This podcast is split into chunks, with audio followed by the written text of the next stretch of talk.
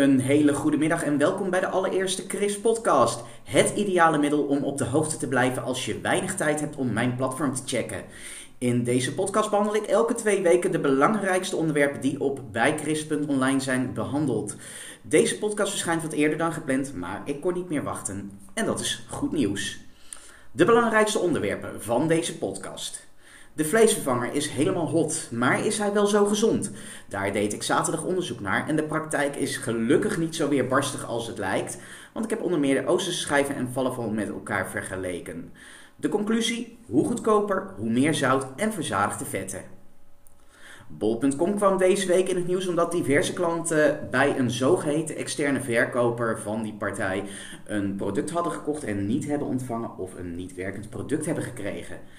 Met mijn oud-collega's van de Bol.com klantenservice kwamen ze er niet uit, want het product is dus geleverd door een ander dan Bol.com.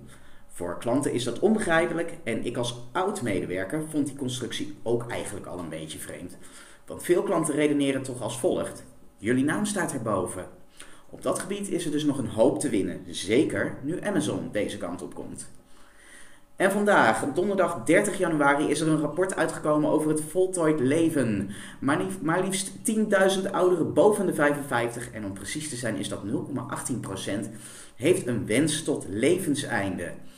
Nou, het is een uh, heel opvallend onderwerp, want uh, onlangs koos iemand in mijn eigen familie ervoor om er vrijwillig uit te stappen. Ze was ook al in de 90.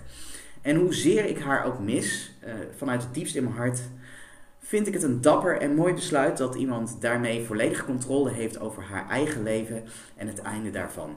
Dat iemand gebruik heeft kunnen maken van haar recht op zelfbeschikking.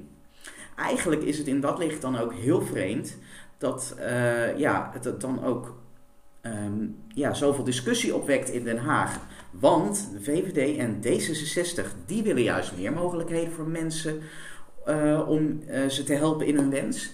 Terwijl CDA en ChristenUnie juist naar mogelijkheden zoeken om die groep weer zin in het leven te geven. Hoe dat gaat aflopen, we wachten het af. En dit was de allereerste Chris-podcast. De volgende is maximaal over twee weken, maar aangezien het al heel leuk is, uh, acht ik de kans heel groot dat hij wel eens een keer wekelijks zou kunnen gaan worden. In elk geval, dit was hem voor deze week. Gegroet!